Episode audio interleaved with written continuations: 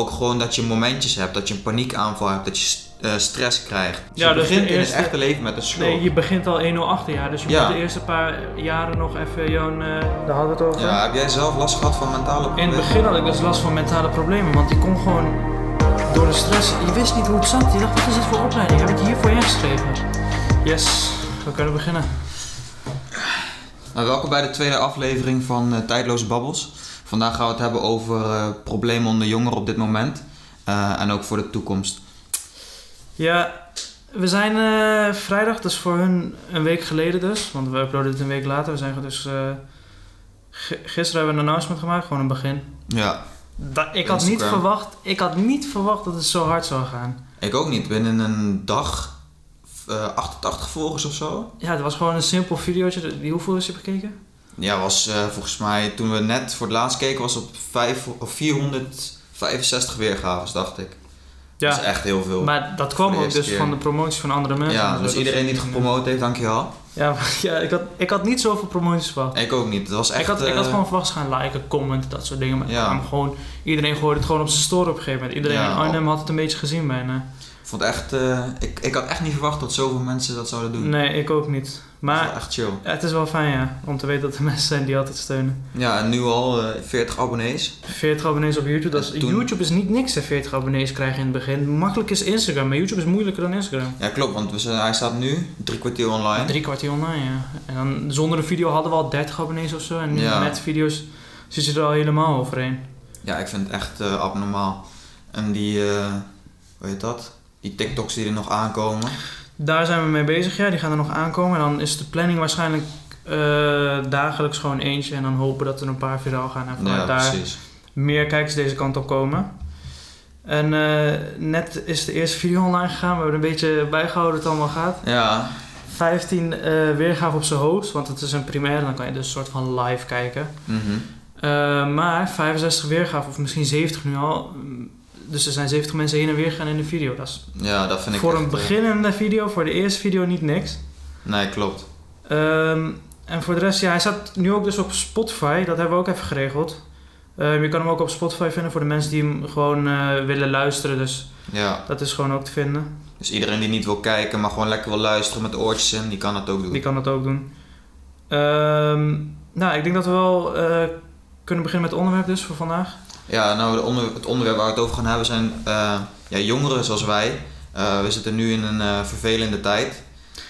Met school, met alle, alle, alle, allerlei dingen, zeg maar. Ja, we kunnen, dat is het jammer, door YouTube kunnen wij de naam van de pandemie, nou laat maar zeggen dan, laten we het maar pandemie noemen, kunnen we niet geven. Maar Nee, klopt. mensen weten het wel waar we het over hebben. Ja. Ehm, dat is voor vandaag het onderwerp. En, het is al een jaar bezig eigenlijk, hè? Ja, we zitten er al een jaar in, want toen, wij, toen het begon, zaten we in ons examenjaar, HAVO 5. Wanneer begon het eigenlijk? Welke maand? Eh, maart, volgens mij de 14e, Nederland begon het 14, in maart, hè? 15e, ja. Toen begon, het, ehm, toen begon het echt hier. En ja, wij zaten, wij zaten eerst gewoon van, oh lekker, gewoon chill, geen... eh, er kwam een toetsweek aan. Ja, er kwam een toetsweek kwam een aan toetsweek en aan. die ging daardoor niet door. En eh, We moesten tot de laatste twee, volgens mij nog twee dagen waren het over voordat de toetsweek begon. En toen pas werd het bekend van toetsweek gaat niet door. Dus iedereen Ja, nog klopt. leren. iedereen ging alleen leren en wij twee. dachten van, het gaat sowieso niet door. Nee, dus we gaan gewoon niet leren. Nee, ik dacht ook, we gaan gewoon wachten tot het gewoon niet doorgaat. Ja, en uiteindelijk ging het niet door. En toen werd het ook op een gegeven moment... Toen was het leuk, maar daarna was het van... Lessen gingen niet door, mochten niet meer naar school komen. Nee. Toen later in kleine groepjes en toen helemaal niet meer. Nee, Ja, dat was echt... eh, afstand houden, dat soort dingen. Maar de eerste eh, lockdown, laat maar zeggen, die kwam bij de duizend eh besmetten. volgens mij wel, ja, zoiets. Ja, en toen vond het wel vet. Het is iets nieuws, je hebt het nog nooit meegemaakt. Ja, Dus- klopt. Het was, wel, ja, het was gewoon nieuw. Voor iedereen is het nieuw, zoiets. Ja, voor mij was het idee van extra tijd om achter de Playstation te zitten of wat dan ook. Maar Ja, we hebben alleen maar achter PlayStation gezeten. Maar op een gegeven moment, dan, tenminste dat had ik, het gevoel van, het is gewoon nutteloos. Want op een gegeven moment hadden wij die, eh, onze examens werd doorgegeven dat het niet doorging. ja, daar, daar waren we wel blij mee. Daar waren we echt blij Ja. mee. Maar daarna kreeg je ook te horen, gala ging niet door, examenreis ging niet door. eh, al dat soort leuke dingen gingen allemaal niet door. Uitreiking ging wel door, toch? Ja, uitreiking, maar dat was dan eh, Ja, in de was- buitenlucht. Nee, op, toen we dat op de MAVO hadden was het beter geweest. Want Ja, dat was, dat was echt leuk. Dat Toen ging leuk. gewoon iedereen van de MAVO ging daar dan zitten. En nu was het alleen per klas in de buitenlucht. En je mocht elkaar niet eens een hand geven. Ja, ik moet zeggen, onze school heeft het wel goed geregeld. Vergeleken met andere scholen. Ik heb gehoord van andere scholen dat het gewoon alleen streamen was. Ja, dat heb ik ook gehoord. Maar die van ons kon je ook kijken op stream. Ja, maar je had ook ouders die mee mochten. Die op de tribune zaten. Ja, oké, maar je mocht maar twee mensen volgens mij meenemen. Dat is, be- ja, het is dat beter iets dan niets, toch? Ja, dat wel. precies. Maar vorige keer toen nam ik mijn oma mee, mijn broertje kwam mee, kwamen echt heel veel mensen. Nu, nu zit je alleen maar met twee ouders en dat, dat is het. De Dat was heel klein. De vorige keer bij de MAV, toen eh, die uitreiking afgelopen was, moesten we direct eh, koffers inpakken en naar Turkije gaan. Dat weet ik ook nog wel. We Oh, gingen daarna, ging je er gelijk ja, door? Toen gingen we er- daarna gelijk door. Maar dit jaar, dit Dit, is, jaar niet. dit is het eerste jaar dat wij, normaal gaan we ieder jaar naar Turkije. Dit is het eerste jaar dat we niet gaan. Dat Ja, vond- dus dus, ja. dus, ja, voor, voor mij dat valt nog best wel mee. Maar mijn oma die daar woont bijvoorbeeld, die Ja. leeft daar alleen en die verwacht elk jaar ons eh, in Turkije. En dan kom je één keer niet. Ja, dat snap ik man. Dat kan pijnlijk zijn. Ja, maar het was heel raar. Toen, die laatste, toen we examens te horen kregen dat het niet doorging, kreeg zo'n vervangende opdracht. En dan ging je gewoon thuis achter de computer die opdracht maken. Dat was een toets, gingen we gewoon met z'n drieën maken. Ja, Dat ook gewoon doen. dat, dat was niet normaal eigenlijk, Ja. als, je dat, als je dat nagaat. Uiteindelijk had je toch een onvoldoende. Ja, maar dat kwam gewoon omdat die, ja, het was gewoon veel te korte tijd. Het was, ook echt tijd. niet, het was ook echt niet te doen. Het was gewoon een ex- experiment voor iedereen. Nee, Voor de leraren, voor ons. voor iedereen denk ik ja, een Ja. experiment. Dat is dus het probleem. Toen, kijk, dan snap ik wel dat je nog niet voorbereid bent voor eh, toetsen en dat soort dingen. Maar nu zijn we een jaar verder. En nog steeds kan je merken dat scholen niet voorbereid zijn op de pandemie. Ja, klopt. Of dat ze, dan houden ze geen rekening mee. Zoals Nee. bij mij, ik ben eh, dan die opleiding begonnen op HBO, op de Han. En dan ben je aan het, eh, zeg maar, dan begin je met die opleiding, dan ben je aan het werk gewoon, je doet gewoon je ding. En dan op een gegeven moment, de stof wordt meer en de druk wordt meer, dat is logisch. Ja, Dus dan ben je, ben je gewoon bezig. En dan op een gegeven moment, dan kregen we echt alleen maar thuisles. mhm. En toen dacht ik echt van, nou dat is echt drama. Want ja, ik ben veel beter als ik in de omgang zit, weet je wel, op school, dat je contact hebt met mensen. Nu zit je Ja. gewoon alleen achter de computertje, iedereen is stil, je hoort een leraar uitleg geven. Op mij had dat heel veel invloed, eh, vooral op mijn prestaties.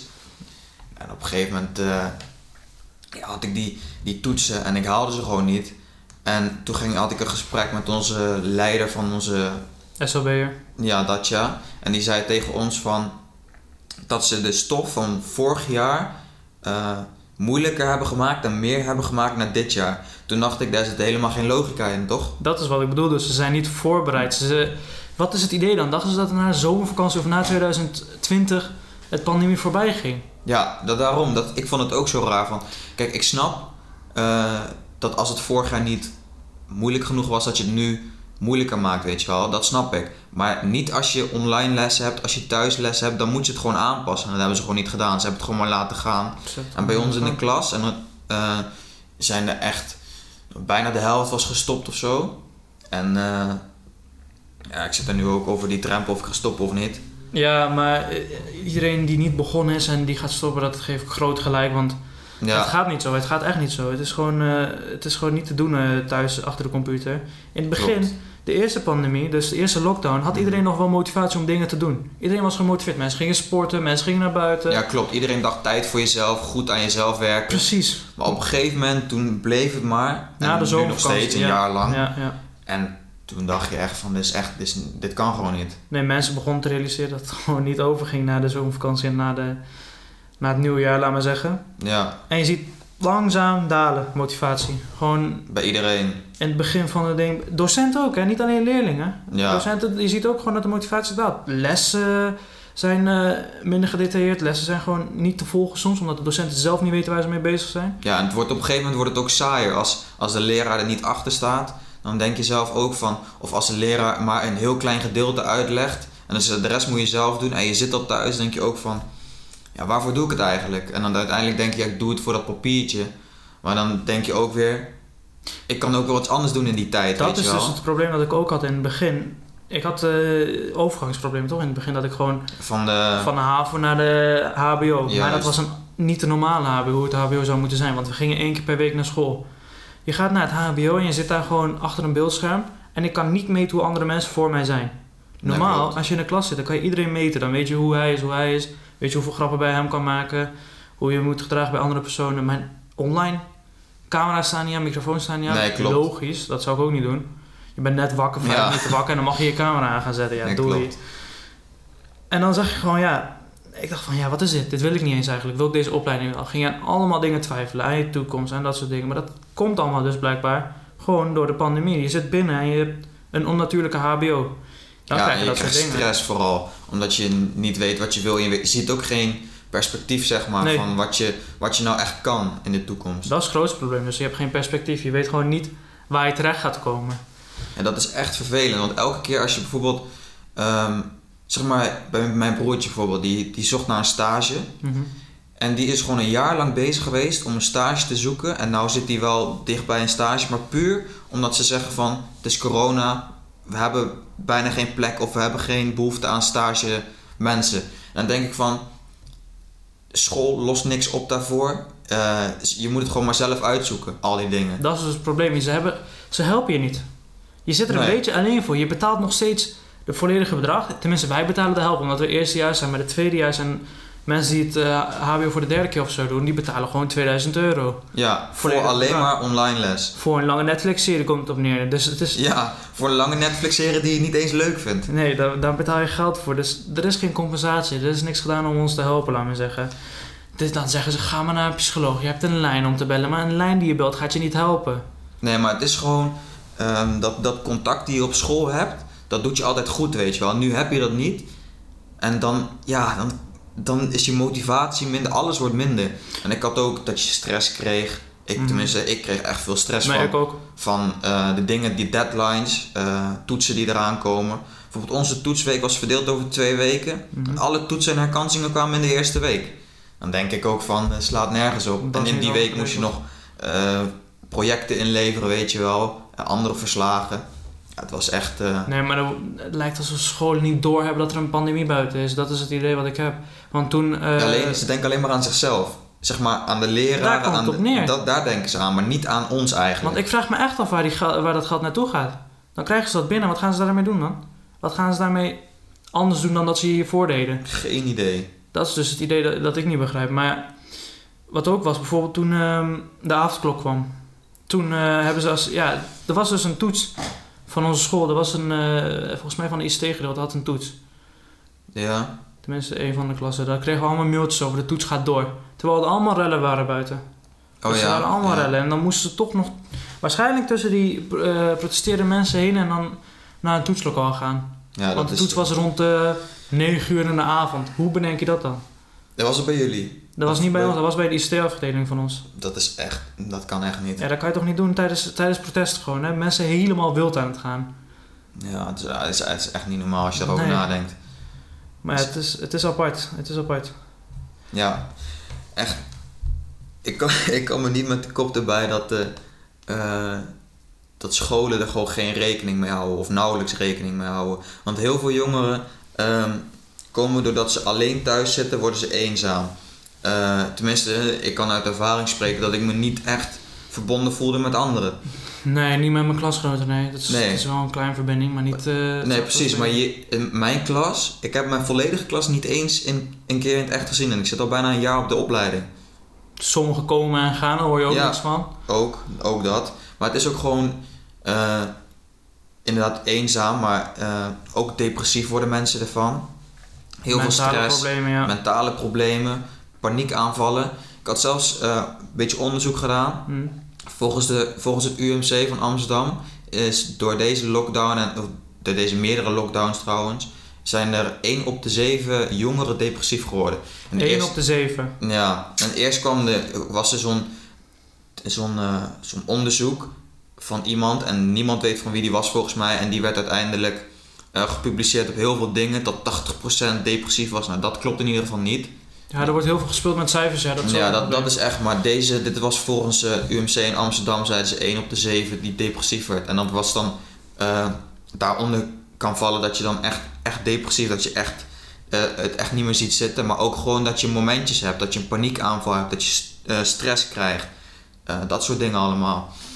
Maar het is ook niet kort, hè. Het duurt ook gewoon een tijd. Het is niet dat je paniekaanval hebt en daarna goed is. Nee, dat is het niet. Maar het is vooral, het is heel opbouwend. Als je zeg maar geen perspectief ziet van die toets ga ik halen of dit ga ik het goed doen, dit ga ik niet goed doen. Als je alles denkt, het gaat, het gaat alleen maar slecht, dan ga je ook slecht voelen en dan, ga je daar, dan raak je daarin verzeild, weet je wel. Nee, wat ik ook had, ik had geen idee of ik vooruitgang boekte. Dat ook, dat had ik ook. Ik had geen idee of ik vooruit kwam. Ik, maar ik niemand zei ook tegen je of je het goed deed. nou, dat, ja, maar dat is een Dat beetje van het HBO. Maar dat, is, dat zou je dus... Dat idee van ik boek vooruitgang kan je eh, krijgen door in de les te zijn. Dus in de klas. Ja, precies. Maar dat heb je niet. Nee, maar je hebt ook niet eh, die connecties met mensen van... Soms weet je wel, als je in de klas zit, zegt die... Als je de beurt hebt gekregen, je zegt iets goed, zegt die... Hé, hey, goed gedaan, goed gedaan, weet je wel. Of de docent... eh, of zoiets. Maar dat heb je gewoon niet. Dus dat voelt zo raar. En dan, ja, dan snap ik wel dat heel veel jongeren zich eenzaam voelen. En dat heel veel jongeren eh, bijvoorbeeld eh, in opstand komen tegen die regels. Dat snap ik nee, dat allemaal is wel natuurlijk. Maar mensen, eh, bijvoorbeeld klasgenoten, iedereen heeft een karakter hè, in de Ja, klas. klopt. Dus je hebt sommige mensen die moeten echt, die hebben zijn karakter opgebouwd met andere mensen om zich heen. Mhm. Ik was gewoon de klassenclown op de HAVO. Ik kon gewoon grappen maken, dat soort dingen. Zo Ja, bracht ik mezelf omhoog. Maar nu Ja. zit je achter de laptop. Ga jij maar even tijdens de uitleg even eh lolbroek uithangen. Ja. Ja, dat, Het Elke is, keer als je- wordt geblokkeerd. Ja, maar ook elke keer als, als er iemand uitlegt bijvoorbeeld... en jouw mic staat aan... Iedereen hoort het, iedereen heeft in de Zo, gaten en iedereen vindt het ook, irritant. eh, we hebben ook een paar in de klas die dat eh, hebben. Die hebben dan een mic aanstaan en dan kan je alles horen. En dat is, Ja, of andersom, dat ze de leraar gaan muten. is- Hebben we dat ook wel eens gehad? Ik had dat, ik, we hebben dat in het begin zo vaak gehad. nee, bij mij gaan ze spelen met achtergronden. Dan gaan ze, hebben ze Oh, dat ook screenshot nog. En dan gaan ze allemaal bij de achtergrond aanzetten. Lijkt alsof vier van mij eh, in de klas Ja, maar dat is tegenwoordig, het, zeg maar, Ja, dat is het enige wat je het kan doen. leuke doen, zeg Dat maar, is het in de les. je kan doen. Maar de les volgen kan ook niet. Nee, klopt. Maar elke keer bijvoorbeeld, dan zit je, dan zit je alleen eh, voor die computer. Mhm. En dan zit je alleen maar naar de schermpje te staren. En waarschijnlijk 9 van de 10 ligt in bed. De ander die aan tafel zit, zit in zijn pyjama. Ja, Het, het is gewoon, je, je, je wordt niet actief, je wordt er echt lui hiervan. En over een paar jaar zeg je, als dit zo door blijft gaan, over een paar jaar zeg je gewoon, zeg je, oh, als jij later vader bent of zo, dan zeggen jouw, jouw kinderen tegen jou van, welke school heb je eigenlijk gezeten? kan je computer En dan zeg, je, dan zeg je basisschool, middelbare school, kun je allemaal aanwijzen, leuk gebouw, leuke tijd. En dan doe je je HBO of je andere opleiding die je doet. En dan zeg je op deze computer. Dat is Ja, toch ongelooflijk als je daarover Dat is wel een nadenkt. triest geval, ja. Maar je kan, je kan niet tegengaan. Ik weet niet hoe lang het gaat duren. Want ik weet nog eh, in het begin, in de eerste periode van eh, het schooljaar. Ja, we verwachten na, de, eh na oud en nieuw dat het wel voorbij is. Ja, en zo zeiden ze dat wel honderdduizend keer. Er worden dingen ons beloofd en dan uiteindelijk Mhm. komt het niet na. Dat ook. Dus gewoon alleen maar afwachten. Ehm, even kijken, we hebben nog meerdere onderwerpen over dit gebeuren. Mentale problemen, daar hadden we het over. Ja, heb jij zelf last gehad van mentale In problemen? het begin had ik dus last van mentale problemen, want je kon gewoon door de stress, je wist niet hoe het zat. Je dacht, wat is dit voor opleiding? Heb ik hiervoor ingeschreven? Mhm. dat... Dat was mijn idee. heb ik ook. Ik denk dat meerdere dat we hebben. Ik, ik dacht, huh? Ik had het onderzocht, ik, had het eh, bekeken, ik, had, eh, ik wist waar ik, naar, waar ik eh, aan ging beginnen. En dan Ja. begin je eraan en blijkt opeens totaal niet te zijn wat je had verwacht. Nee, klopt. Nee, maar als ik zelf ook nadenk van... Als ik, als ik voor mezelf spreek... En ik heb die opleiding dan gekozen en ik dacht... Dat de maatregelen zeg maar weg zouden gaan. Dat je gewoon lekker naar school kon. Gewoon je ding kon doen.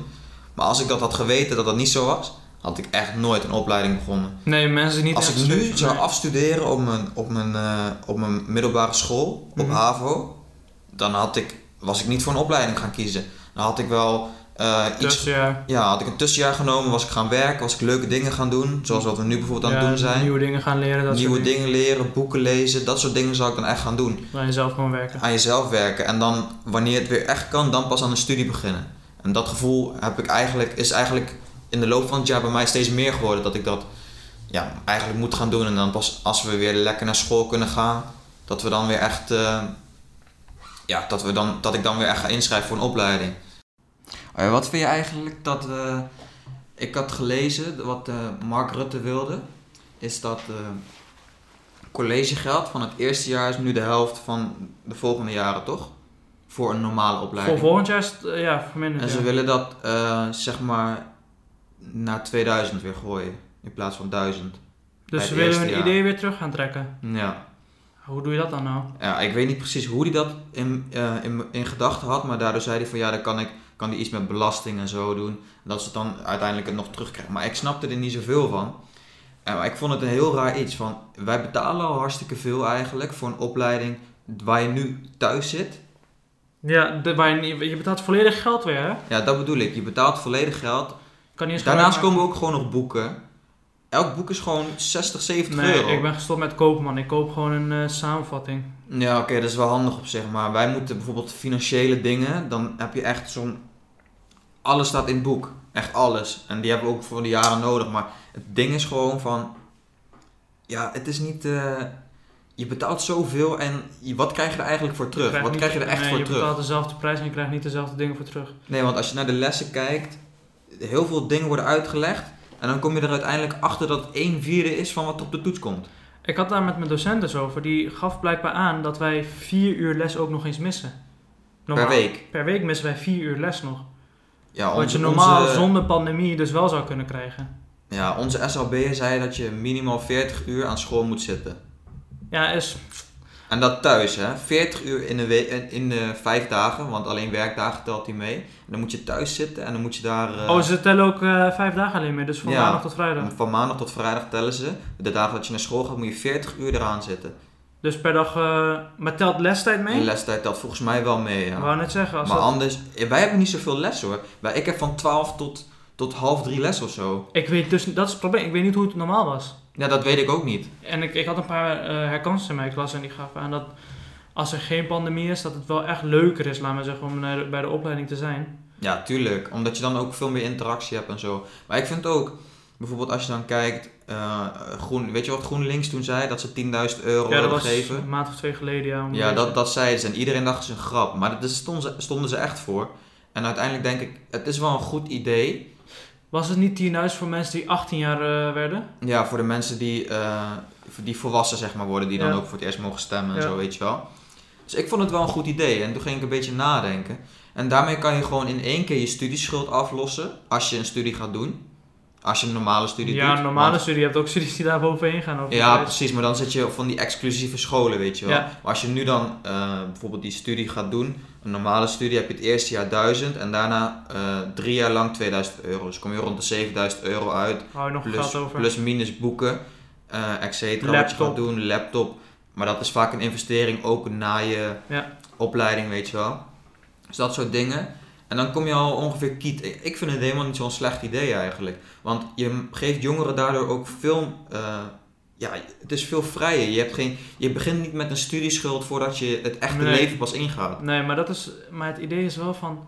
Je krijgt wel 10.000 euro en niet iedereen is even goed als jij en ik of Ja, als andere mensen klopt. om Dat met geld om te gaan. Want de ene die, die verspeelt het misschien aan dit, de ander koopt een leuke auto voor. Ja, je zou zomaar gewoon direct een auto mee kunnen halen als je ze zin in hebt. Ja, klopt. Daar zouden ze inderdaad iets op moeten verzinnen. Maar het, het probleem, zeg maar, de oplossing is niet helemaal goed. Maar het probleem is, zeg maar, dat je nu, als je met school begint en met een opleiding Ja. en je bent 18, betaal je gewoon alle, alle, de volle pond. Mhm. En ik moet het zelf betalen, want ik, werk, ik moet gewoon voor werken, weet je wel.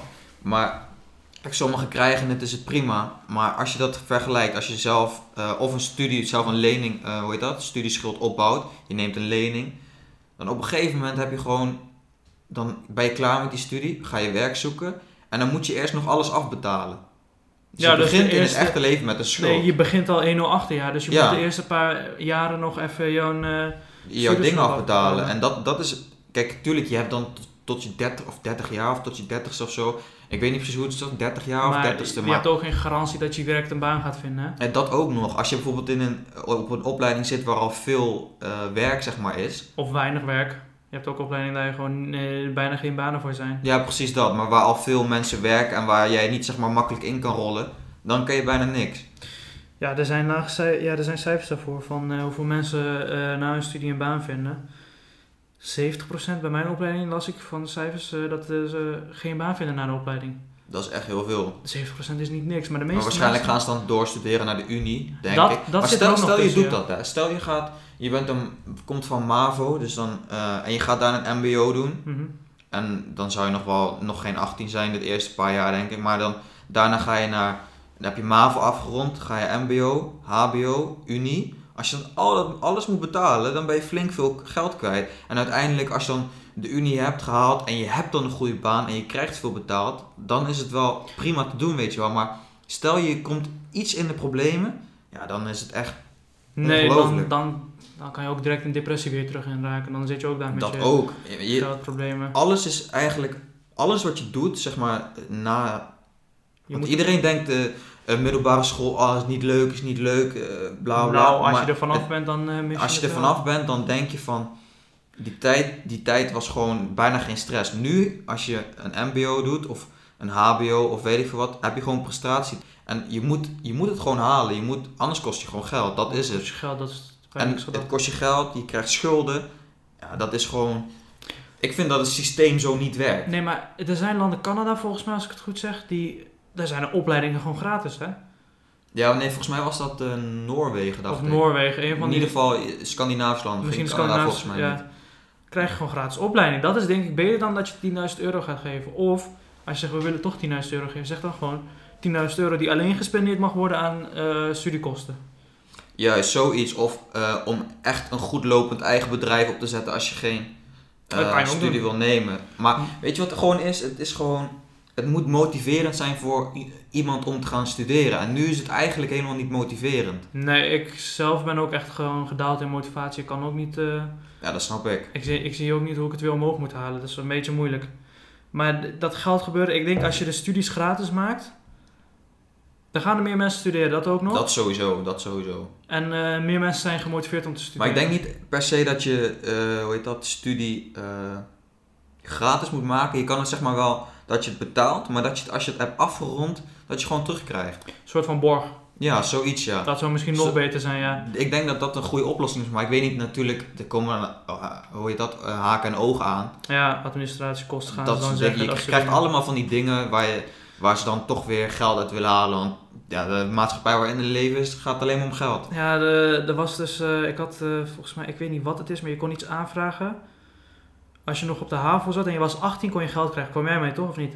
Ja, dat was een tegemoetkoming. Dus iedereen die nog op de middelbare school Ja. is en die 18 is, Ga je- kijken op Duo, je krijgt nog gewoon geld. En als jouw ouders niet een hele goede baan hebben, dan kunnen Dan ze krijg je gewoon... nog meer geld. Dan krijg je gewoon nog meer geld. Volgens mij kan het, eh, je kan het oplopen vo- boven de 100 euro in ieder geval per maand. Maandelijks kreeg ik 117 euro of zoiets. Maar het probleem was dus... Ja, daarom. HAVO was klaar en ik dacht, oké, hij gaat vanzelf wel uit. Blijkt het vanzelf Ja, je nog... moet zelf, je eh, moet het zelf nog weg. alles moet je zelf doen. Dat was ik helemaal, had ik helemaal niet door, want het werd mij nergens uitgelegd. Want eigenlijk wordt er op de middelbare school niks uitgelegd van... eh, Wat je je daarna moet doen. Nee, wat je daarna gaat doen, dat is aan je jezelf bent gewoon. niet voorbereid. Je wacht tot het einde en dan opeens kom je daar. Ben je 18 en dan mag je eh, eh, naar de HBO, dat soort dingen. Weet je niks over het leven. Je weet niet waar je eh, belasting moet betalen. Je weet niet waar je... Klopt. Je zorgverzekering, dat soort dingen. zorgverzekering. Ik dacht, waar hebben we het allemaal over? Ja, maar je moet echt bijvoorbeeld bij eh, zorgverzekering dingen, al die dingen moet je echt goed onderzoeken wat je, wat je wel nodig hebt, wat je niet nodig hebt. Want bijvoorbeeld ik heb dan fysio nodig voor, voor het sporten, eh, als je dan een blessure een keer hebt of zo. Maar waarom, kijk, als je goede tanden bijvoorbeeld hebt, waarom zou je je verzekeren voor de tandarts? Mhm. Als je goede tanden hebt en je het eigenlijk nodig, of eh, als je het eigenlijk niet nodig is om eh, een verzekering te hebben, omdat je daar betaal je veel meer bij dan dat je eh, over de jaren heen, dan dat je een keer alleen de afspraak betaalt en misschien een keer de eigen risico als Ja. het echt nodig is. Maar als je dus, laten we zeggen, één keer verkeerd valt en dat Klopt, klopt. Maar dat, dat, als je dat bij tandongevallen is, bij bijna bij elke verzekering, ben je daarvoor verzekerd. Gewoon zonder dat je iets te betaalt. Zit Ja. gewoon in de verzekeringspakket. Dus dat hebben ze wel goed. Maar als je bijvoorbeeld eh, opeens heel veel gaatjes hebt, terwijl je dat eerst nooit had, ja, dan moet je wel je eigen. eh, Nee, en moet of je je de stand voor standskies moet trekken, dan moet je je eigen risico volgens mij betalen. Ja, maar nu je het over de fysio en dat soort dingen hebt, ik zit nu even te denken. Sportscholen zijn nog steeds dicht. Ja, klopt. Sporten, dat is, ik zeg je eerlijk, zonder sport, je, met sport hou je ook gewoon eh, je motivatie weer omhoog. Krijg je zin in het leven, dat wel. Dat sowieso, maar weet je wat ik ook raar vind? Ehm, toen zeiden ze helemaal aan het begin van de lockdown. Ja? Toen op een gegeven moment daarna werd het een beetje versoepeld, toch? Mhm. En dan gingen we, mocht je weer trainen, mocht je eh, bijvoorbeeld voetballen, mocht je naar de sportschool. Alleen dan mocht de, bijvoorbeeld voetballen mocht tot en met 18 jaar. Dus Ja. dan zit je bijvoorbeeld in de, in de JO19, of vroeger de A1, of de A. En dan ga je voetballen. En dan ben je 18 en de volgende dag ben je 19 en dan mag je niet meer voetballen. Er was dus een meisje in mijn klas die heeft dat meegemaakt. Bij ons in het team ook heel veel. En ik- ik, snap dat gewoon niet. En bijvoorbeeld laatst ook, eh, een tijdje geleden, ik denk drie, vier weken geleden, zeiden ze tot 27. Hoe kom je bij dat getal? Wie komt er nou bij het getal dat je vanaf 27 meer... Ja, ik hoor heel veel dingen over wat er allemaal raar gedaan wordt met de pandemie. Bijvoorbeeld, eh, je weet nog wel, eh, hoe heet die eh, evenement? Black Friday. Dat de winkels Oh, ja. open waren. Ja, dat was ook zo raar. Er moest een lockdown een week van tevoren van de Black Friday doen. Wat doet de overheid? Wacht totdat de Black Friday voorbij is. Ja, Dus dan, is En dan, dan hebben de alles al bedrijven waar ze mee... Rutte is bekend met bedrijven, laten we eerlijk zijn. ja, tuurlijk. Hij doet alles voor, eh, Voor, de, bedrijven, zodat... Ja, ja, maar nu... Hij komt niet alle bedrijven tegemoet nu. Nee, maar dus die bedrijven met Black Friday wouden open blijven. Dus er, Mhm. wordt, er wordt gewoon een lockdown verzet voor bedrijven, kledingbedrijven of weet ik van wat voor bedrijven. Elektronica bedrijven, terwijl je online kan bestellen. Ja. Om de pandemie laten doen. En wat gebeurt er? Een week na de eh, Black Friday evenementen, lockdown. ja, ik vind het allemaal, eh, als ik erover nadenk... Dat ik klopt vind niks. Het, ik, ik- het is onlogisch wat er allemaal gebeurt. Ze hadden met dat, met dat, eh, met dat vaccineren, weet je wel. Die, dat, dat ene, ik weet niet of ik het mag noemen, die vaccinatie, die ene die ze hadden afgekeurd. AstraZeneca, ja, dat kan je gewoon noemen, dat maakt niet uit. Maar in ieder geval dat verbieden ze, of tenminste in andere landen zijn ze ermee gestopt omdat het heel veel eh trombose bijvoorbeeld, heel veel... eh, Trombose is niet niks, hè? Dat is nee, dat is, dat is eh, heftig. Maar dat is bijvoorbeeld bij de pil, voor de vrouwen die de pil gebruiken. Ja? gaan er, gaan er echt heel veel mensen hebben daar klachten van. Dat ze trombose krijgen of iets. ja, dus het zit ook al bij andere medicijnen. Het zit ook in andere medicijnen, maar ik denk dan van, bij, als je alleen kijkt naar dit AstraZeneca, weet je wel. Mhm. Je hebt genoeg andere. Waarom ga je deze nog doen? Waarom ga je deze toepassen als het schadelijk voor mensen kan zijn? Ja, ik weet het wel. Nederland heeft het gewoon ingekocht Ja, vanuit het buitenland en ze moeten er vanaf. Dus het is gewoon eigenlijk marketing. daar zo- komt- zo zie ik het komt eigenlijk. daar wel op neer, ja. Daar, kan je, daar heb je wel een punt in. Want gewoon- kijk, als je iets inkoopt, je moet er ook, ze moeten er gewoon vanaf. Ja, als je dropshipper bent, dan ga je ook eh, producten... Ja, bijvoorbeeld. maar... eh, Maar ze moeten er gewoon vanaf. Maar als ik dan ehm, bijvoorbeeld kijk, dit is dan een hele grote eh, crisis waar we in zitten. mhm. Maar de, hongersnoodcrisis waar, die in heel veel landen zitten. Zoals ik net al zei met die, met die pil waar, eh, voor de vrouw waar, de, waar problemen in zijn. Dan denk ik van, die dingen los je, los je bijna niet op. Bijvoorbeeld hongersnood is heel makkelijk op te lossen door eten. Gewoon eten. En dat doen ze niet. En dan nu gaan ze met zoiets, gaan ze een hele lockdown in. Gaan ze een hele, eh, niks mag meer. Ik, ik vind het gewoon onlogisch als ik erover nadenk. Maar weet je wat ook onlogisch is? In China is er niks gaande nu. In Australië is er niks gaande nu. Australië weet ik wel. Ik heb iemand in Australië waar ik contact mee had laatst. En Nieuw-Zeeland volgens mij ook was. Nieuw-Zeeland ook. Australië is niet een klein land. heeft dezelfde... Oké, het is een groot land. Ze, Ja, het is heel groot. Het ze is, hebben ook 17 miljoen mensen, net zoals Nederland ongeveer. ja, alleen het is dan wel maar het is meer veel- oppervlak. Oké, Ja, dat klopt wel. Maar die steden, gewoon waar het gewoon wel... eh, hoe noem je dat ook weer? Eh, bebouwd of ik weet niet, iets in die richting. Hoe bedoel je? Wat was de... eh, je had bij uitdrukkunde een woord daarvoor. Dichtbevolkt? Zo Dichtbevolkt, dat dus. Waar het dichtbevolkt is, nog steeds is het laag. Niet. Ze kunnen gewoon gaan feesten. Ja ik, ja, ik snap dat ook niet hoor. Maar Ga dan naar andere landen kijken als land. Hoezo Ja. heb je zo'n grote ego dat je niet naar andere landen gaan, kan gaan kijken? ja, ze, ze doen het. Maar weet je wat Het is? lijkt net een race. ja, Het maar het lijkt net, wie, kan er wie, wie is er het beste in eh, bijvoorbeeld eh, je land onder controle houden? Zo, zo voelt het bijna. Ja, we weten al wie, wel wie het slechtst is. eh, Amerika.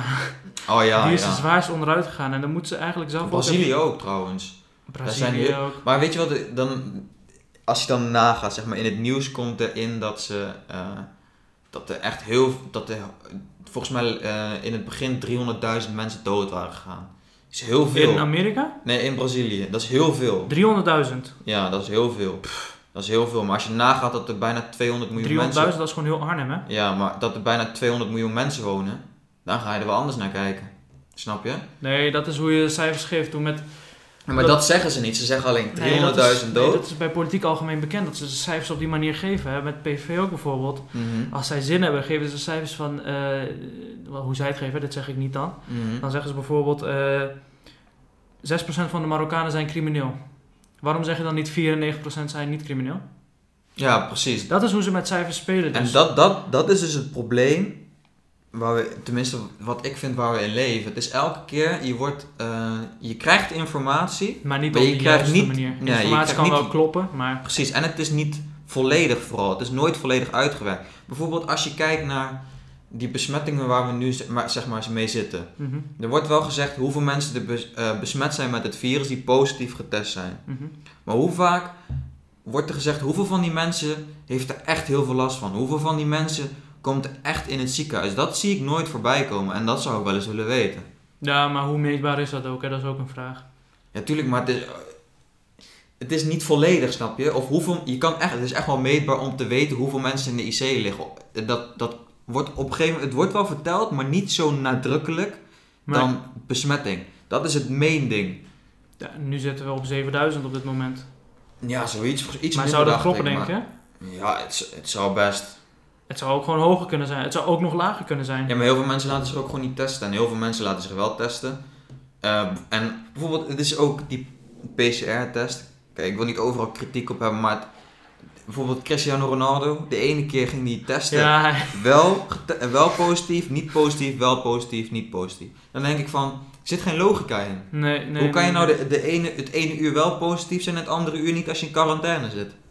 Ja, het- Dus ik weet niet alle, hoe betrouwbaar dat allemaal is en ik wil niks, eh, Nee, maar wij kunnen ook... snap je? Onze mening is niet heel belangrijk als je Nee, aan mij vraagt, want wij zijn geen eh, zorgmedewerkers en wij hebben geen eh, eh, vaccin ontwikkeld. Nee, precies, maar ik praat vooral, Maar we hopen wel, als er mensen zijn die het weten, dat ze wel op de podcast willen komen, dan kunnen we daar ook verder ja, als gaan. iemand hier, bijvoorbeeld, kijk, ik ben best wel kritisch over de maatregelen en alles. Als iemand hier tegenover mij kan zitten en alles kan ontkrachten, dan mag hij er Dat komen zou- zitten. Dat, zou, een dat goede zou, podcast worden, denk ik. ja, dat denk ik ook. Dat zou een goede, Ja, zou leuk zijn op zich. En ik zou, ik, het, is ook, het is ook leerzaam dan, dan de kijkers die dan kijken, bijvoorbeeld, die kunnen er ook van leren. dan breng ik gewoon helderheid naar de ik mensen. zelf trouwens ook. Ja, maar dan breng ik ook gewoon helderheid naar de mensen. Bijvoorbeeld, Ja. Dan weten ze waar het, wat, wat de gedachten achter die eh, keuzes zijn dat de overheid bijvoorbeeld neemt op dit moment. Ja, maar ik kijk vooral zeg maar, naar het punt van, eh, vanuit jongeren, weet je wel.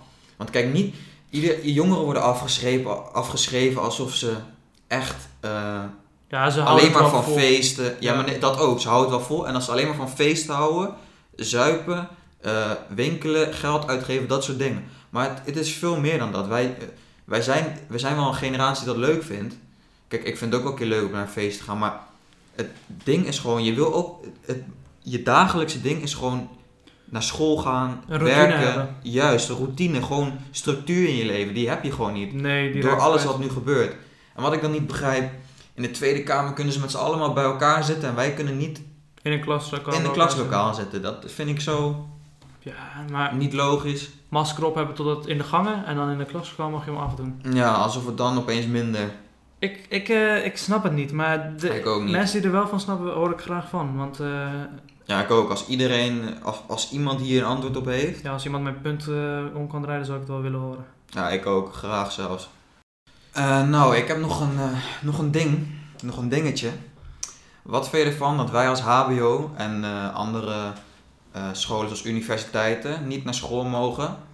En MBO's wel. Misschien voor één dag, ligt aan wat voor school je zit. Wanneer hadden ze dat ook weer gedaan? Dat was een nieuwe maatregel, volgens mij toch? Ja, was een, ze noemden het geen maatregel, ze noemden het een versoepeling. Oh, dat was een versoepeling, ja. Nee, Ja. eerst was alles dicht. Eerst was alles dicht. En nu zeiden ze, we gaan dit en dat open doen. Ja, en toen gingen ze de middelbare scholen alleen voor examenklassen. Kijk, dat kan ik nog wel enigszins begrijpen. Dat begrijp ik ook niet hoor. Dat- Oké, die moet wel. Die moet wel open blijven, maar dan moeten ook de eerstejaars open blijven. Weet je hoe belangrijk de eerste jaar van jou... Oh, Middelbare ja, ja, school is. helemaal mee eens. Helemaal mee eens. Hoe kan jij de eerste jaar sluiten en een laatste jaar wel open doen? Dat middenboot, dat boeit niet. MAVO 3, daar deden we niks. HAVO 4, daar deden we niks. Dat deden we wel wat, maar dat was niet zo belangrijk. Ja, belangrijkste zijn je diploma. eerste jaar. Ja. belangrijkste zijn je eerste jaar en je laatste jaar. Die twee moet je gewoon hebben. En zonder dat, ja, dan heb je er niks aan. Ja, Want het eerste jaar leer je hoe het eh, middelbare school is. Zoals wij nu ook eigenlijk het eerste jaar open moeten zijn, leren we hoe het HBO is. Maar dat gebeurt dus niet. nee, want je leert het niet, want, het is dicht. Ja, En MBO's zijn wel open. Wat was er nog meer open? MBO's en. alleen mbo's. Alleen MBO's toch van ho- Ja. hoger eh, onderwijs. Ja, ik snap dat niet. Wat is dan het gedachte van MBO's mogen wel open en HBO's niet? Dat snap ik ook niet, want wat, wat is de logica eh, als, zeg maar, de eh, hbo's, hoger opgeleide, eh, universiteiten die, die, die nog hoger opgeleid zijn, dat die niet naar school mogen?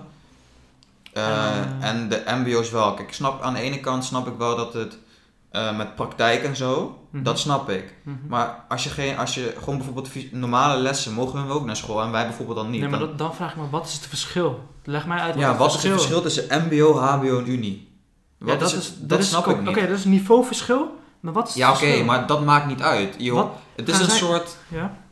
ja, hoe moet je het noemen? Een soort, eh, ja, ik vind het een soort buitensluit van dat, hun mogen het wel en hun mogen het niet. Ik Ja, vind het een soort discriminatie eigenlijk. Ja, zo kan je het ook zien. Maar Dat is heel overdreven dat gezegd. is overdreven. Maar dat, eh, wat ze doen is gewoon... eh, de ene mag wel gaan en de rest niet. Maar dan, wat, dat, dan snap ik nog steeds niet wat het verschil is. Want dan mag je...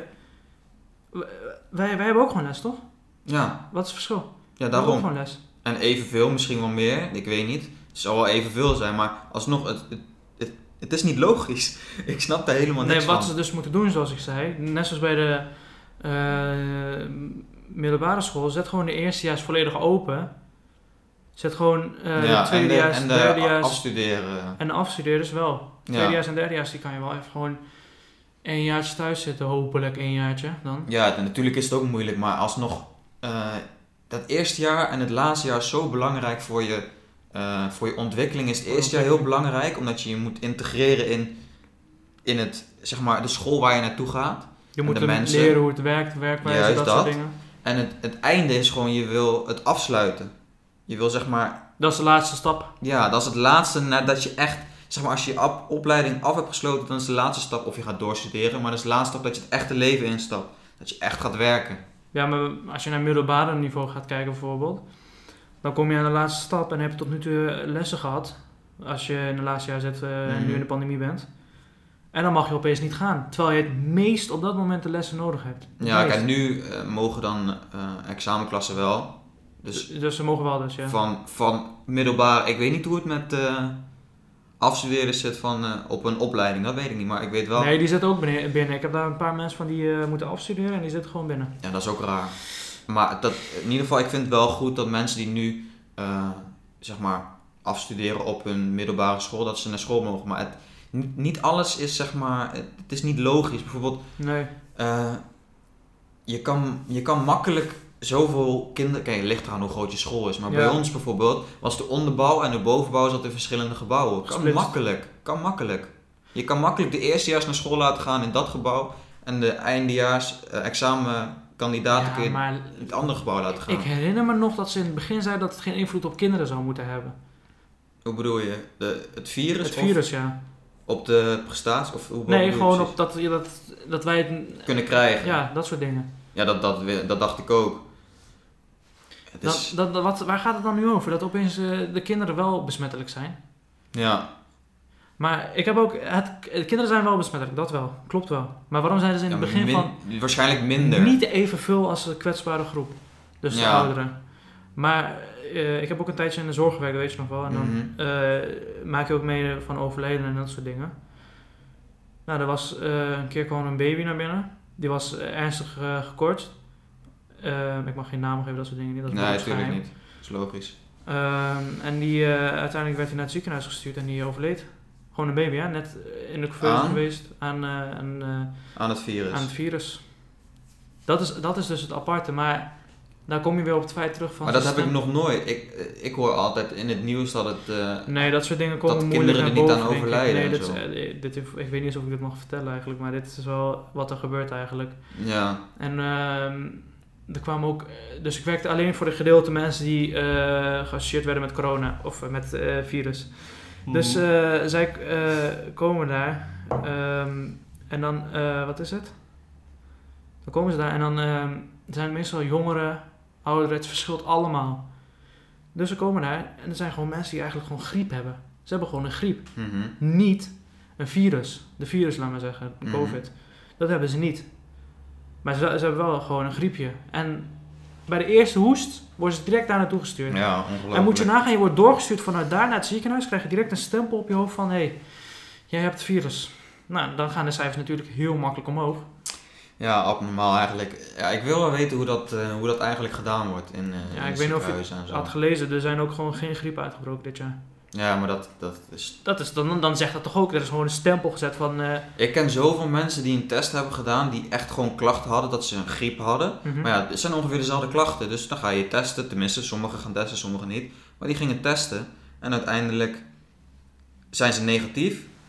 Maar zijn ze wel ziek. Dus dan heb je gewoon de griep. En dan kunnen ze wel zeggen, er zijn nul gevallen. Maar...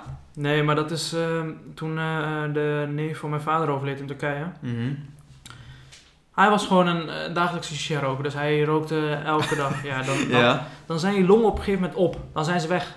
Ja, Wat krijgt hij uiteindelijk als stempel? Gelukkig is mijn moeder huisarts, die heeft nog gecontroleerd. dat hij aan het virus is Dat hij aan het virus is overleden. Mijn moeder zegt, mag ik even de bladeren zien? Nou, ze checkt het. Er staat allemaal dingen over de longen. En niks dat bekend is met het virus. Ongelooflijk. Dus eigenlijk, je krijgt een verkeerd... Dat is Turkije dan maar. Maar dat zou zomaar hier ook weer kunnen gebeuren Ja, waarschijnlijk. dat kan overal gebeuren. Dat kan overal Het, is, gebeuren. de, ja, ik, het, zijn zo, het zijn zoveel eh, vragen die men heeft. En Die niet beantwoord worden. die niet beantwoord worden, maar die ook, omdat het zeg maar zo onlogisch allemaal is eh, en zo onoverzichtelijk, dat het ook bijna niet uit te leggen valt. Nee, ik, ik weet niet naar wie je zou kunnen wijzen. Dat bedoel ik. Naar, naar wie ga je toe om echt een antwoord te Je kan krijgen? niet aan de overheid vragen voor antwoorden. Je, daar, dan, dat doen heel veel mensen verkeerd. Dat ze Ja, aan de overheid aan antwoorden, dat moeten ze eigenlijk wel hebben als je naar mij vraagt. Maar tuurlijk, ja, ze moeten het hebben, maar je weet zo weinig over dit, dus hoe kun je antwoorden hebben eigenlijk? Nee. En je weet ook heel weinig over hoe alles in praktijk werkt. Ja, precies. Maar Maar ja, even terug op, op, op school bijvoorbeeld. Als je eh, nu in een examenjaar zit van je opleiding, ja, je wilt zeg maar bijvoorbeeld je opleiding afronden. Daarna ga je beginnen met je echte leven. Nou, het wordt al lastig om te beginnen met je echte leven als je niet kan of werken, geen werk kan kan vinden, vinden, dat soort vragen heb je nog. tijdens deze, deze situatie.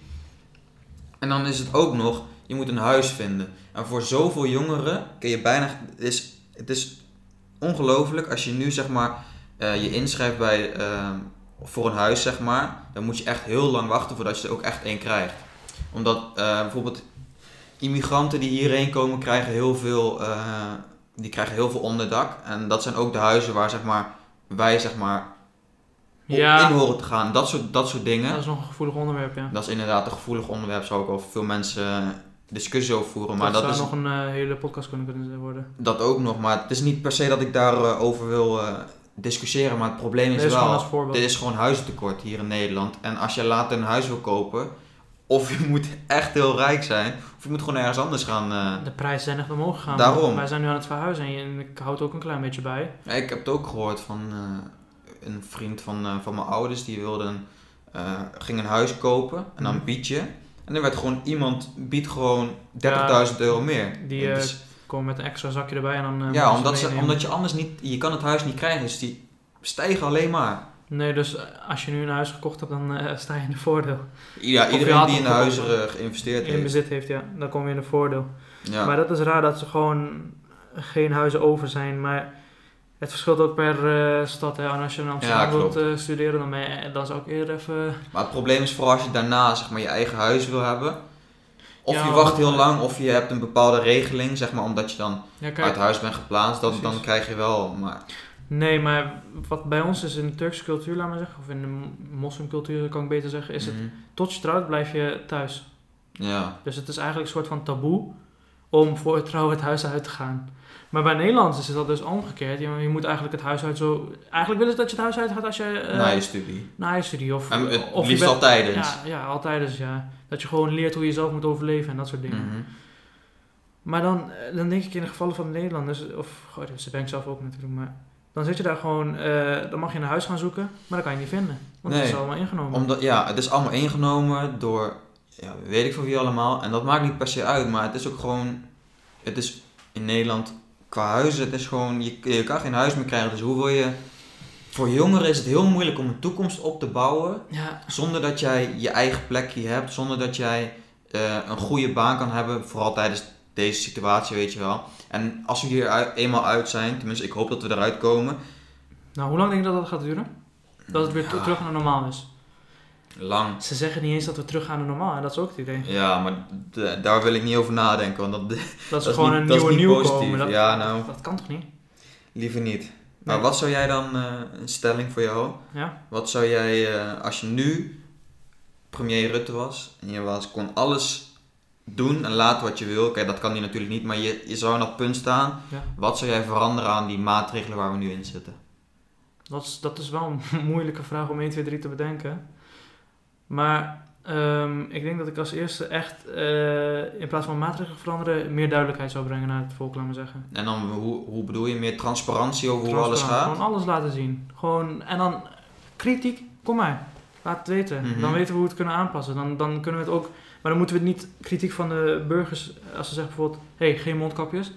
En dan zeggen wij: nee, wij doen geen mondkapjes. Nee, je moet daarmee naar de professionelen gaan. Die wel weten hoe het allemaal werkt met de pandemie. Dus die wel weten wat de Mhm. virus, hoe het kan gestopt worden. Daar moet je naartoe gaan. Vragen: klopt dit? Zeggen zij nee, dan zeg je: zij zeggen nee. Dan geef, je bent gewoon een soort van tussenpersoon als overheid. Als je Dus dat hen gaat. proberen ze nu. Alleen, Maar het loopt niet. ze- het- ja, Ze bereiken niet iedereen. en het is ook niet eh, geloofwaardig, want heel veel mensen, en eh, ik spreek niet voor mezelf, maar heel veel mensen geloven het RIVM en zo ook niet meer. Wat ik sowieso zou doen is sluit gewoon eh, de winkels. Want die kan alles bestellen. En dat is Ja, maar dat, daar ben ik het niet mee eens. kleding. Ik heb het over grote kledingzaken. Ja, maar het is gewoon. Zoals eh, Zara en dat soort dingen. Ik snap wel wat je bedoelt, maar als Zara iedereen online bestelt, je gaat eraan wennen en op een gegeven moment kun je niet meer terug naar. eh, ja, het is, gewoon, het is gewoon lekker als je een keer de stad in kan, Nee, weet je wel. En maar- lekker even winkelen. Kijk, hoe lang heb ik... Ik heb dat al een jaar niet gedaan als het niet langer is. Ik heb sowieso dit jaar bijna geen kleding gekocht. Nee, ik ook niet, maar Het- Geld blijft gewoon in de zak, dat wel. dat wel. Maar het is gewoon bijvoorbeeld als je ook kijkt naar die bezorgdingen. Dit is gewoon ongelooflijk hoe... Ja, hoe... eh, hoe noem je dat? Hoe druk het is Eh. eigenlijk. En, en dat het... Ja, dat je, dat je ja. bestelt en je, het is heel vaak uitverkocht, dat soort dingen, weet je. En het is niet... Ik, ik vind het zelf niet, niet fijn. Nee, ja, normaal gaan mensen fysiek. Voor de pandemie was het allemaal fysiek. Ja, en dat is ook, dat is ook veel leuker en dat is ook denk ik veel handiger. Bijvoorbeeld dat je gewoon fysiek naar de, naar de winkels gaat, maar ook bijvoorbeeld eh, ja, de, de horeca, allemaal dat soort dingen. Het moet allemaal fysiek kunnen, denk ik. Ja, maar hoe ga je dat dan oplossen? Hè? Dat is de vraag. En in de horeca, in de horeca is makkelijk te ja. doen. En ik, in winkels denk ik ook. Want nu doen ze al met een bepaald aantal mensen binnenlaten, weet je wel. Ik persoonlijk, ik zou gewoon een klein deel van wat Turkije doet pakken, want ik let daar een beetje op wat zij aan het doen zijn. Maar doen ze Zij dan? zetten dan, eh, ben jij boven deze leeftijd, dan blijf jij binnen. De rest gaan we naar buiten. En dan boven deze leeftijd is. Ehm, was het volgens mij rond de 58 of zo, ik weet niet. Ja, Rond kijk, ik zou zelf zeggen dat iedereen gewoon zijn eigen keuze heeft. Dat als jij gewoon naar de winkel wil gaan, dat je laat gaan. En degene die dat niet wil, die blijft gewoon zelf thuis.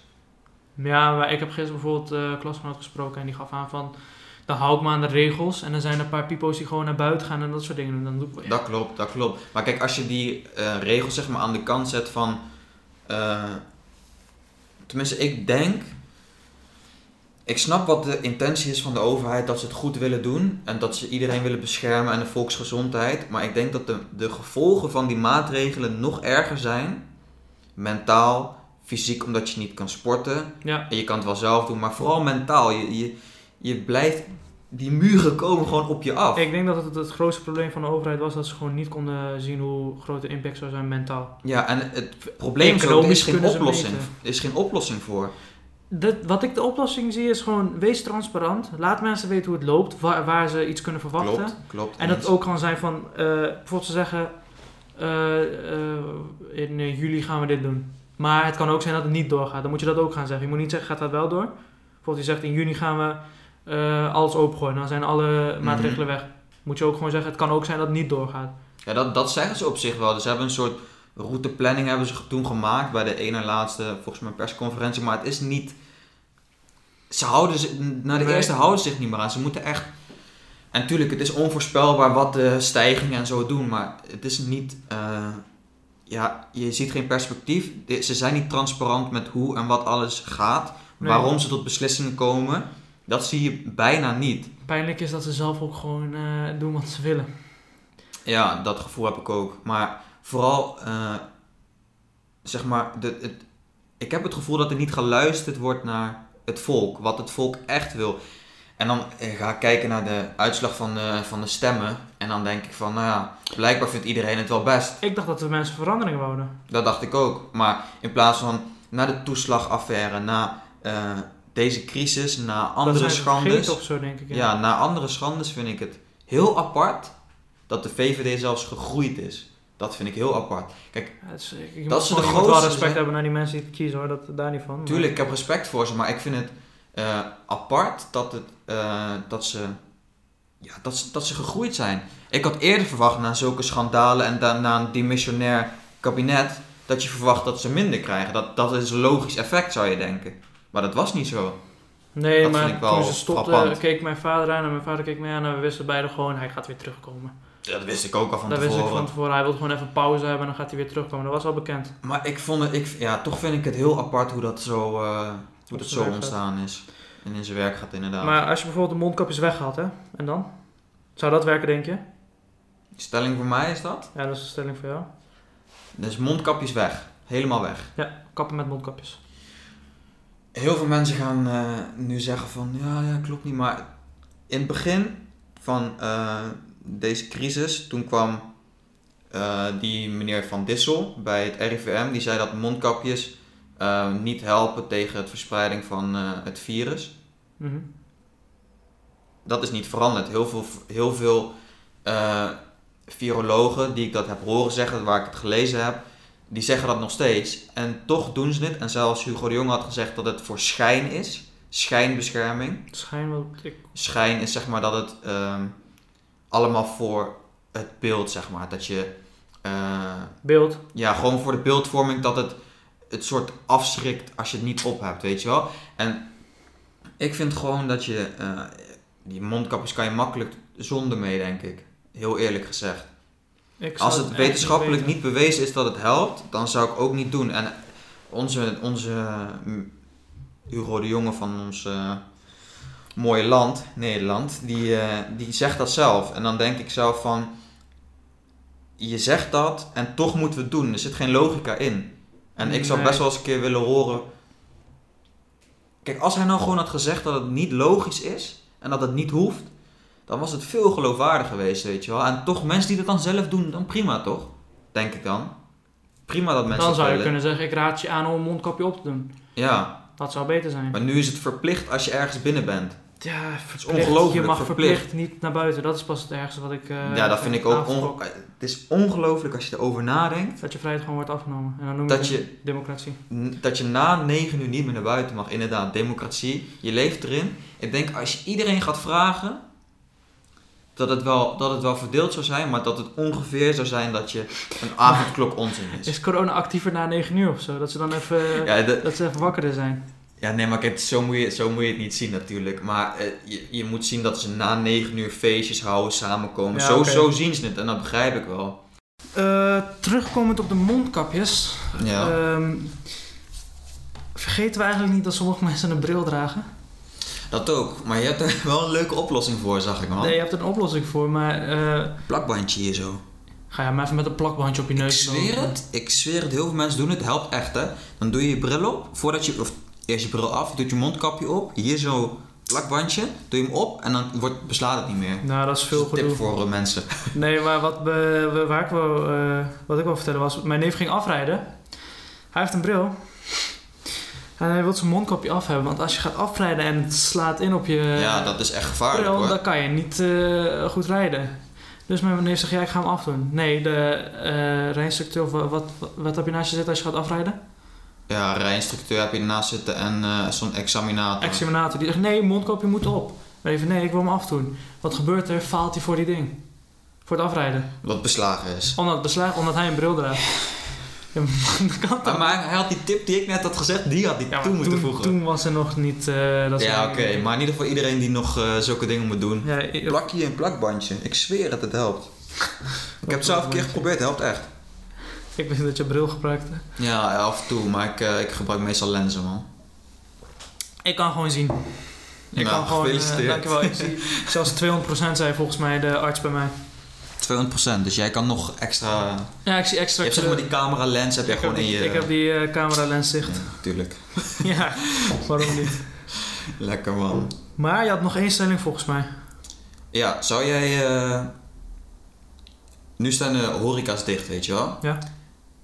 Vind je dat terecht? En zou, wat zou je eraan doen? En zou je het volgens jou open mogen? Ja, ik, ik, dat- ik kan niet precies goed zien hoe een horeca te werk gaat, hè? Laat ik zo zeggen, vind je het eerlijk dat eh, snackbars bijvoorbeeld afhalen mag? Dat Ja. de supermarkten bomvol zitten, wel met een mondkapje op, maar bomvol, niemand houdt afstand. Dat dat mag, dat er geen limiet op zit. Maar dat winkels zit er wel een limiet op. Winkels zoals Zara, volgens mij als je 30 minuten kan je naar binnen gaan en dan moet je eruit. Dat, daar zit wel een limiet op. En ook hoeveel mensen er binnen zijn. Ja. Moet je een afspraak maken. En op de horeca, die zit helemaal dicht.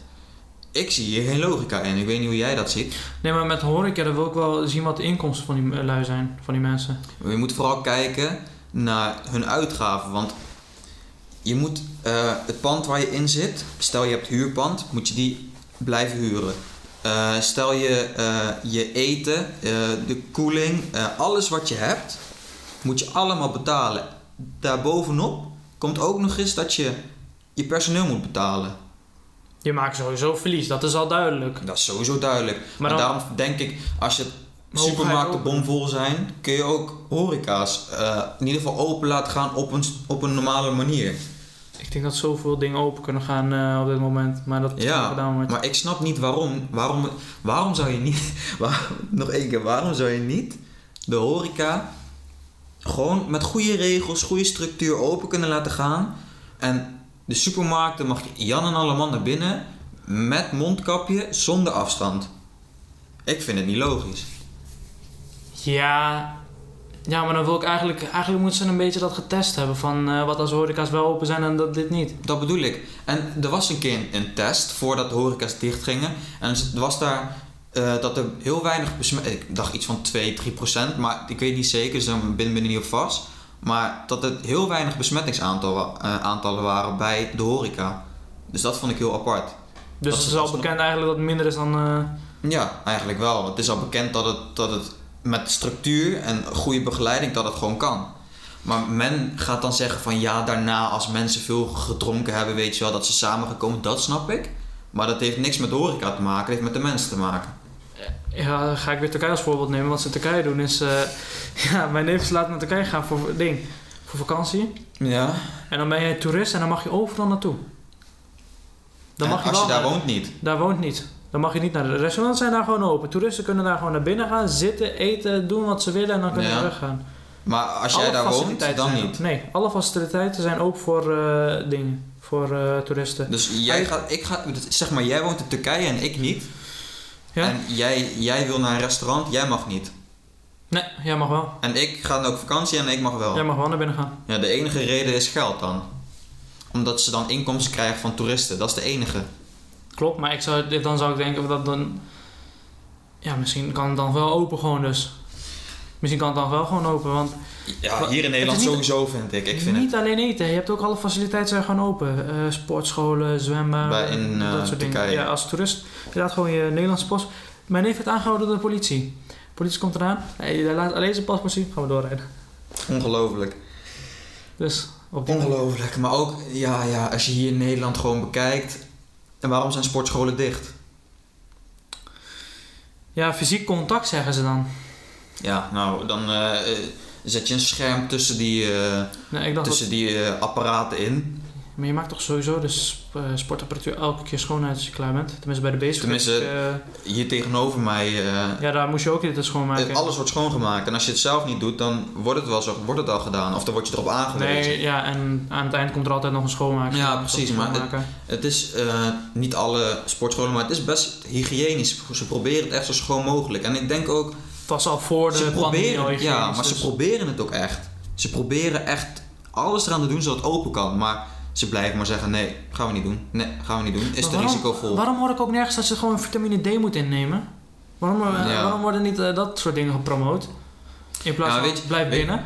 Blijf binnen, maar je, wat je vooral moet doen is je eh, immuunsysteem trainen. Ja, Je moet Waar gewoon gezond leven, gezond eten, vitamines binnenkrijgen. Dat soort dingen. Dat, dat is heel belangrijk. zeg dat dan. Ja, dat Zeg moet, dat dan. Zo kan je Ja. jezelf eh, beschermen. dat moet gepromoot worden. En wij hebben nu heel lang over dat gepraat. Maar dit ding hadden we eigenlijk veel eerder over moeten hebben. want- Misschien wel, want als je gewoon zegt van... ehm, je kan vitamine D eh, meten. En vitamine D is het belangrijkste. Van allemaal om je immuunsysteem ja, te ik, sterken dat te weet ik niet precies. Maar in ieder geval... Ja, mijn moeder zei zo van, eh, daar weet ik het. Maar ah ja. Dus ehm dat kan je meten. Ik heb het laten meten. Mijne was laag. Zeg dan, als jouw vitamine D zo laag is, blijf jij maar binnen. En als jouw vitamine D zo hoog is, Ja, moet- naar buiten. Dat is, dat, dat is misschien wel een ding, maar het is gewoon... Zorg gewoon dat je hele samenleving gezond is. Je, de hele, als je Waarom- president bent, nu- nu of zegt. premier bedoel ik. Ja, dat is een goeie. Dan, ik vind dat je dan Nee, maar zorgt dat je volk gezond is. En niet dat ze binnen zitten, niks doen, lui worden, dik worden. waarom denk je dat Amerika zo'n hoge cijfers heeft? Een van de ongezondste volkeren. Ja, maar ook omdat het, eh, hoe heet dat? Het de prijs van het eten, van Het fastfood, is heel goedkoop vergeleken met gezond eten. Nee, maar het is, het is, het is een feit dat ze gewoon een van de ongezondste zijn daar. Ja, klopt. En obesitas is daar ook cijfers gaan eh, omhoog. Maar je moet niet alleen de cijfers koppelen aan het ongezonde daaraan, maar het eh, Nee, maar ook het- nog eh, slecht gemanaged. ja, dat Daar ook. hebben ze per staat alles aan de handen gelaten. En dan kan ze zeggen Texas, ik doe dit niet. En dan kan zeggen Ohio of iets anders die ernaast zit, Florida volgens mij. Mhm. Dan zeggen wij, zeggen, eh, wij doen alles open. Ja. ja, ik vind het vooral niet, zeg maar, je moet gewoon zorgen als je, ehm, vooral voor jezelf nu, als je zelf nu in deze situatie zit en je denkt dat je vatbaar bent, probeer gewoon te zorgen dat je heel gezond leeft. En niet te extreem, maar gewoon gezond leeft. Je genoeg beweging pakt, genoeg dingen doet, zodat je gewoon eh, in ieder geval bezig bent. Het is goed voor jezelf, goed Ja. voor je mind, maar ook gewoon, het is gewoon goed voor je immuunsysteem ook. Ja, we beseffen ook eigenlijk dat waar we allemaal nu over zitten te praten, misschien later in de geschiedenisboeken gaan komen. Dat mensen Kan hoofdstuk, ook nog. niet een paragraaf, maar hoofdstuk eh, 2020 moeten gaan leren. Ja, maar ook bijvoorbeeld, ja, Dat is Dat serieus zo, wacht maar af hoor. Dat gaat echt later in de geschiedenisboeken komen. Ja, maar ik heb trouwens wel een tip voor iedereen die... eh, Want we hebben nu een beetje over immuunsysteem en zo. Ja, Eh, je kent toch wel Iceman? natuurlijk. Ja, die, eh, die man die... eh, Die rapt. Nee, nee jongen, die nee, dat is, dat is Ice. Dat is ijs. Nee, die andere, die, eh, die Nederlander die altijd in dat koude water gaat. eh, nee man, als ik hem zie dan ken ik hem. ik, ik ga het je laten zien. Ik kom even niet op die naam, maar eh, zijn bijnaam is Iceman. Volgens mij heet die Hof met de achternaam. Nee, zeg maar echt niks, maar vertel maar. In ieder geval, hij. weet dat, hij kan in hele koude dingen zitten, eh, zwemmen. In, Oh jawel, Snap je wat ik bedoel? hem, ik hij doucht altijd koud. Hij heeft altijd heel veel tips. Hij heeft ook een YouTube kanaal waar hij op dingen vertelt. Maar dat is echt een, eh, een tip van. eh, Gewoon check hem. ja, check hem en dan kun je jezelf je immuunsysteem ook trainen. Hij zegt zelf ook dat dat een hele goede oefening is. Ja, ik wens eh, toekomstige studenten die nu geboren worden en eh, over een paar jaar geschiedenis moeten leren succes. Ik ook. Komt er extra hoofdstukje bij, Want denk extra ik. hoofdstuk en dan gaan ze echt tijdens de toetsweek denken van, van, ah, dit wil ik niet hebben, dit wil ik niet leren. Ja, vooral omdat. Weet je wel, je hebt nu al twee Ja, je, oorlogen nagaan, en je, crisis- ja, crisissen en dan er komt er nog hoofdstuk bij. 2020 dus. En wat zou de paragrafen zijn dan denk je? Wat is de eerste paragraaf dat ik moet leren? Ja, gewoon van begin tot eind, lockdown tot lockdown en dan... Zou er niet gewoon een speciale paragraaf even denken? Wat zeg? Ja, met, met China begint het dan, weet je wel. Paragraaf, ehm, wat zou echt een grappig paragraaf zijn? Wat is echt? Kun je niet met die vleermuis of zo. Vleermuis, paragraaf Rutte. Wat heeft Ja, Rutte dat soort dingen. gedaan? Maar ja, ik vind het ook nog steeds raar dat we niet eh, tot een... eh, zeg maar, meestal als je een virus wil onderzoeken en een, een, een, een vaccin voor wil hebben... Moet je weten waar het vandaan komt. Maar we weten nog eigenlijk nog steeds niet waar het vandaan komt. De ene zegt komt uit een Ja. lab, de ander zegt komt van dieren, de ander zegt dit, de Het ander is zegt dat. eens 100% of het uit China komt, het is gewoon Nee, dat ook, dat ook. Dat was Spaanse griep. Hoezo heet het Spaans? Niet omdat hij uit Spa- Spanje kwam, het was gewoon Spanje die eerst zei dat er een griep was. Ja, Het kwam van andere landen, maar Spanje was de eerste die zei ja, er bestaat een griep. Alle landen hielden het stil en pas toen eh, kwam het naar boven. ja, apart. Ja, maar ik vind het sowieso raar. Als je, als je een vaccin wil hebben, moet je toch de bron weten waar het vandaan komt. Ik heb daar nog nooit iemand over gehoord. Of waar echt dit virus vandaan komt. We zitten er middenin, in die crisis. Maar waar het virus vandaan komt. Komt uit uh, zeggen ze maar dat. Ja, de ene, maar de ene zegt dat het lab komt, Nee. ander uit vleermuis. Dus er is niet echt concreet bewijs waar het vandaan komt. Ik zou dat wel eens willen weten. Dus als je iemand daar eh, Artikelen over heeft, dan is ja, het artikelen of, of die kan iets over vertellen, dan mag is hij van harte komen, welkom. ja. Mm, Dingen, dat idee dat ze daar die vleermuis aten, ik, ik had er ook even onderzoek naar gedaan van waarom ze dat doen. Volgens mij, moet ik het goed zeggen, 100 jaar of 200 jaar geleden in China hadden ze hongersnood. Dus ze hebben gewoon Mhm. geen eten. Wat doen ze? Gaan ze naar alternatieve dieren. Dus omdat ze een vleestekort hadden, hebben ze naar alternatieve dieren gezocht. Ja, dat reden? dat, soort- dat is blijkbaar de reden. Het is niet uit oh, laten we even proeven en het Maar beviel dat is wel. nu, nu niet meer, toch? Of Nu weet je dat toevallig? Ik weet het zelf niet. misschien zelfs wel. Ik denk misschien nog steeds dat ze een eh, vleestekort hebben. Want het bevolking Ja, dan daar- leef je toch van iets anders. Denk ja, ik ik weet het niet. Ik weet het niet. Maar het vlees is een van de main food sources van iedereen. Sommigen kunnen betalen, sommigen niet. Dat ook. Ja, ja, klopt. Maar ik denk dat dat een van de redenen is. Ja, dat is wel een mooie afsluiter. Die, eh, hoe heet dat? Dat het in de geschiedenisboek komt, de tijd waar we in leven. Ja, dat is ook iets, ja. En de cijfers hebben we ook even net bekeken. Dat is ook een mooie afsluiter. Dat de vorige aflevering zo goed is gegaan. Ja, veel weergaves en we zijn eh, dat pas anderhalf uur online volgens mij. Veel eh, positieve reacties van mensen. Ja, Feedback van mensen. Dat is echt belangrijk. Feedback is echt belangrijk. Ja, en, dus eh, blijf ermee komen. ja, en bedankt ervoor in ieder geval. Voor de rest, de volgende aflevering hebben we een nieuw onderwerp, een leuk onderwerp. Nu Ja, was het vandaag wat serieuzer. ja, we hebben, ja dat kan je wel vertellen. Dat we afwisselen. Ja, we gaan elke keer, zoals de eerste podcast was, eh, lekker vrij, lekker losjes, leuke Ja. dingen. Eh, deze podcast was serieuzer. eh, en we gaan dat elke keer zeg maar zo doen. De ene podcast serieus. En de andere podcast is wat leuker, wat soepeler, wat Ja. losser. Totdat we gasten hebben. We moeten ook Ja, totdat we gasten hebben die echt een verhaal kunnen vertellen. Die misschien in kunnen spelen op dingen die wij gezegd hebben in vorige podcasten.